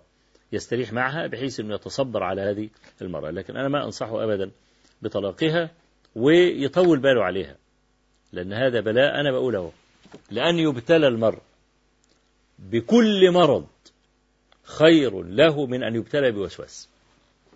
الوسواس ده رهيب ولا يعرف يعني هذا العذاب الذي يعيشه الإنسان إلا من كابد وجرب. وأنا لما بيأتيني ناس يعني موسوسين أو بيتصلوا بي أرحمهم كثيرا جدا. يعيد ويزيد في نفس الكلام. تجاوبه؟ برضه يعيد السؤال بس بصيغة أخرى. وأنا بتجاوبه برضه نفضل ماشيين دايما في حلقة مفرغة بسبب إن هو ما يعني هذا الموسوس مضغوط عليه وعنده وسواس في التفكير أسأل الله عز وجل أن يعافيها. نعم. الأخت بقى اللي تتكلم عن أختها اللي هي غسلت حماتها وبعدين حصل لها نوع من الرعب من الموت وإنها حاسة إنها هتموت. الإحساس بالموت نعمة كبيرة من الله عز وجل. لأن طول الأمل هو الذي يضيع المرء. لكن يا إخواننا الخوف ينبغي أن يكون خوفا ايجابيا. في خوف سلبي وفي خوف إيجابي. الخوف السلبي إنها مرعوبة. يعني في واحدة اتصل بي مرة من زمان برضو خايفة من الموت. فتقعد طول الليل سهرانة ما تعرفش تنام في الظلم. تنور النور وتقعد على السرير منكمشة ما بتعملش حاجة خالص إلا أنها مرعوبة. طيب ما أنت هتموتي هتموت وإحنا كلنا هنموت ده كلام نهائي. خلاص؟ طب يبقى خايفة من ظلمة القبر. طب ما تقومي تركعي ركعتين عشان ينور لك قبرك. يعني كل ما الإنسان يزداد يعني خوفا الخوف الإيجابي إنك أنت تعمل حاجة عشان تتلاشى ما تخشى منه. فعشان كده أنا شايف إن هي يعني حصل لها نوع من الخوف السلبي الخوف السلبي اللي هو خلاها تكف عن العمل ولم يجعل لحياتها أي طعم. الصحابة رضي الله عنهم كانوا أتقى الناس وكانوا أفضل الناس ورسول الله صلى الله عليه وسلم هو قبة الأمر كله. كان النبي صلى الله عليه وسلم يمازح الصبيان وكان يمازح النساء وكان كما في حديث سمرة بن جندب كان يعني في حديث جابر بن سمرة كان يقول كنا نخوض في أمور من أمور الجاهلية فكنا نضحك وكان النبي صلى الله عليه وسلم يتبسم معنا وكان أتقى لله تبارك وتعالى. بدون ما يكون عند الإنسان أمل حياته بتنتهي بالكلية. فيبقى الأخت دي محتاجة أنها ترشد هذا الخوف. هي ميتة ميتة لا شك في ذلك.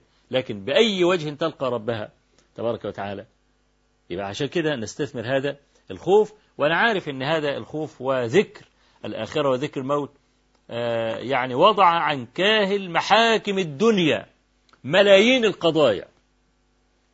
يعني هذه لما بتكون متلبسة بهذا الخوف مش ممكن تظلم حد. خايفة تظلم أي حد. ويبقى عندها شيء من الورع. ممكن يبقى شيء مباح وخايفة تعمله أحسن يظلم حد. لو أن هذا الشعور لابسنا جميعا لاسترحنا راحة كبيرة. الإيمان بالبعث بالموت والبعث. واليوم الآخر كما قلت أسقط ملايين القضايا عن كاهل محاكم الدنيا. كتير من الناس ما بيشتكيش الظالم بيقول له أنا سايبك ليوم القيامة. خلاص دي قضية لو ما كانش الكلام ده معتقد كان راح المحكمة. وأنا سمعت وزير العدل أحد وزراء العدل يعني في في السنة قبل الماضية بيقول إن المحاكم فيها 11 مليون قضية. 11 مليون قضية. أنا بقول إن مش 11 بقى مليون قضية ممكن يكون 100 مليون قضية سقطت عن كاهل المحاكم الأرضية بسبب الإيمان بهذا. يبقى أنا عايز الأخت بقى تسترد عافيتها الإيمانية وتنظر مرة أخرى في هذا الخوف وترشده وتعلم أنها ميتة تقرأ في الأدلة تقرأ في القرآن تقرأ في السنة تباشر مجالس العلم. وإذا كان حاجة زي كده ممكن تبدد جهدها وطاقتها ما في أي داعي أنها تحضر تغسيل الميت أو الكلام ده. مع أن تغسيل الميت يعني بكل أسف يعني اللي بيغسل على طول بصفة مستمرة بيبقى عنده إلف عادة يقلب الميت ومش عارف بعد كده ولا يشعر مطلقا بهذا الشعور الذي تشعر به الأخت. نسأل الله عز وجل أن يعني يرد عليها عافيتها. نفس السائلة بتسأل عن تلبس النقاب وزوجها لا يوافق أنا بقول لها يعني إيه؟ لا تكفي لا تكفي وتربصي بما يعني استغلال أوقات الصفاء بينكما. يعني مش على طول كده وهو متضايق تقوم تقولي له مش عارف إيه لا. وهو كده صافي والكلام ده هو وتقولي له إنك أنت عايزة تحتجبي ولا يراني غيرك من باب طبعا العفة والكلام ده ده في أجر عظيم يعني ترفقي به. وأسأل الله عز وجل أن يكون هذا الأخ ممن يعني يسمعنا الآن وإن هو يعني يعين امرأته على أن تتقرب إلى الله عز وجل بلبس النقاب. أه واللي بيحلف بقى بالطلاق كثير جدا ويحلف عليه الطلاق أنا ما أقدرش اجاوب لازم هو كل مرة يتصل بشيخ من الشيوخ ويقول له المرة دي أنا قلت كذا كذا كذا. لأن مش كل مرة زي أختها يعني بعض الناس بيخطئ لما يدي للعامي الجواب. إزاي؟ يقول له أنت قلت لها إيه؟ لو كنت قلت لها علي الطلاق ما يقعش. لو قلت لها أنت طالق يقع. ما ينفعش. هذا الكلام. لأن ممكن يقول عليه الطلاق ويقع برضه. عشان كده مسائل الطلاق بالذات ما ينفعش فيها الإجابة العامة. إنما ينفع فيها الكلام الخاص. قال كلاما يتصل بقى. أقعد أنا أحاور فيه وأروح وأجي بيه وعملت إيه وخليت وأسأله أسئلة وبناء على هذه الأسئلة أستطيع أن أنا أتخذ القرار بأن هذا طلاق أو غير أو يوقع أو لم يقع. نعم.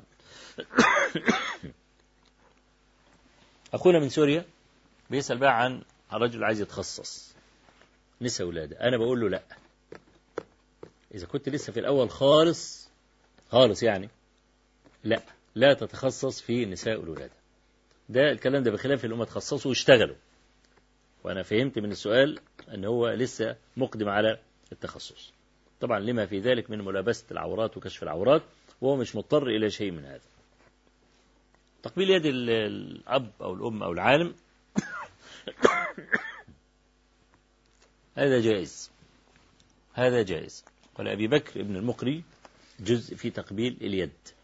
والصحابة كانوا يقبلون يد النبي صلى الله عليه وسلم. وقد رأيت من العلماء من يقبل يد الآخر. وكان سفيان بن عيينة يقبل يد الفضيل بن عياض فهذا لا بأس به. أما الإمام اللي هو بيقنت في صلاة العصر فهذا شيء عجيب.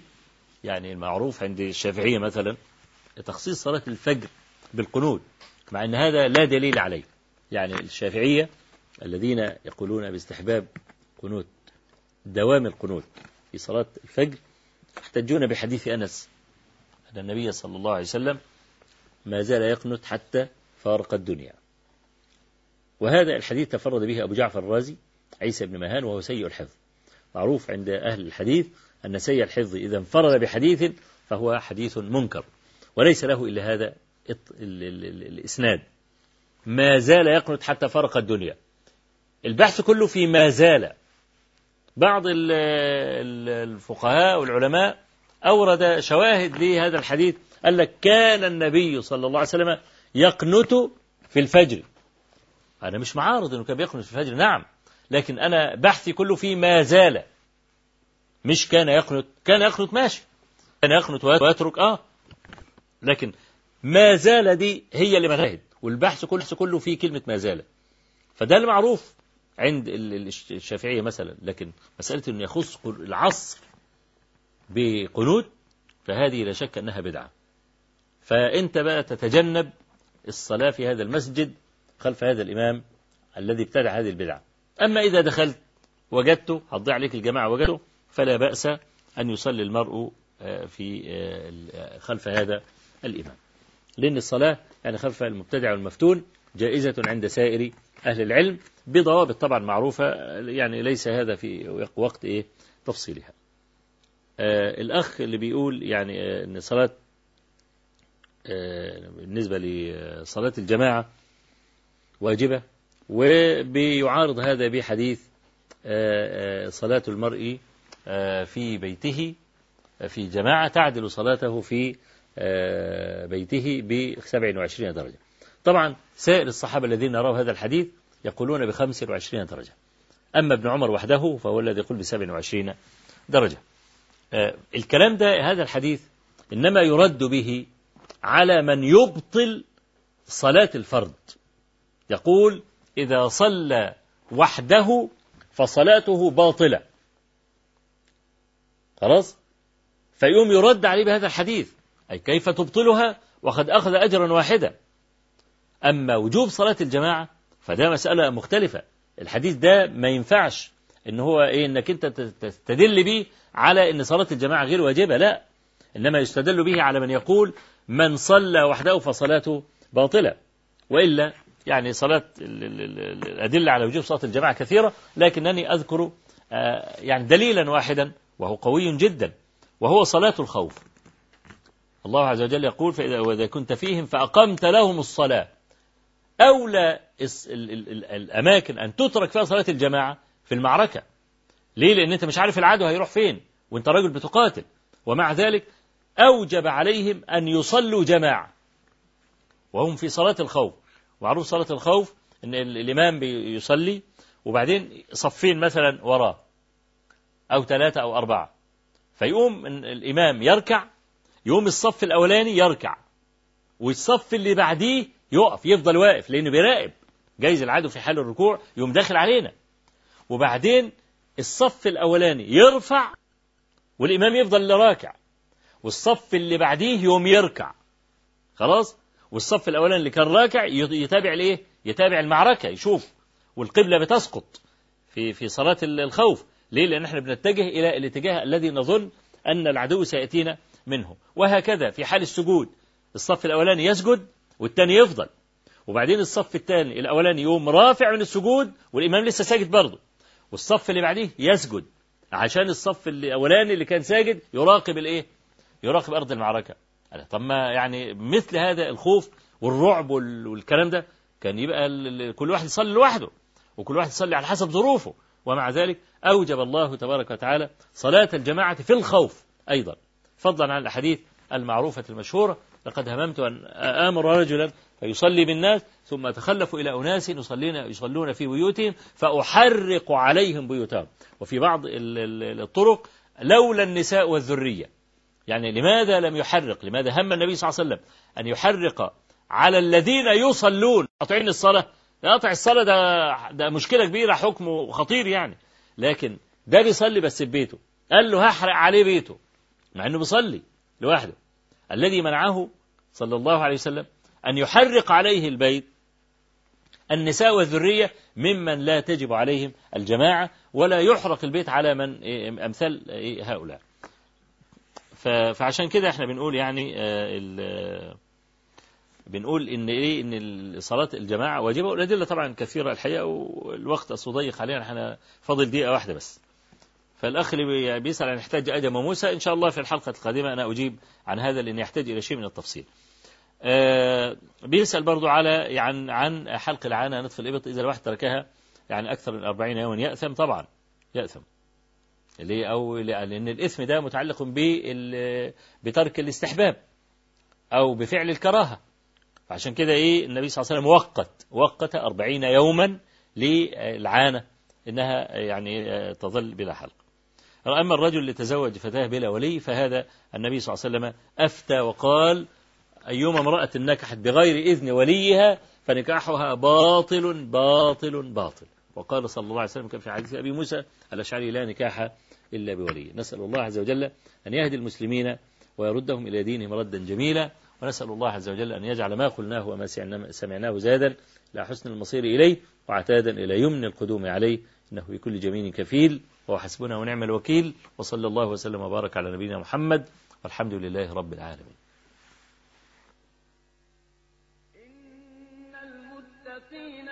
جنات ونعيم فاكهين بما آتاهم ربهم ووقاهم ربهم عذاب الجحيم. كلوا واشربوا هنيئا بما كنتم تعملون. متكئين على سرر مصفوفة وزوجناهم بحور عين. والذين آمنوا واتبعتهم ذريتهم بإيمان ألحقنا بهم ذريتهم وما ألتناهم من عملهم من شيء.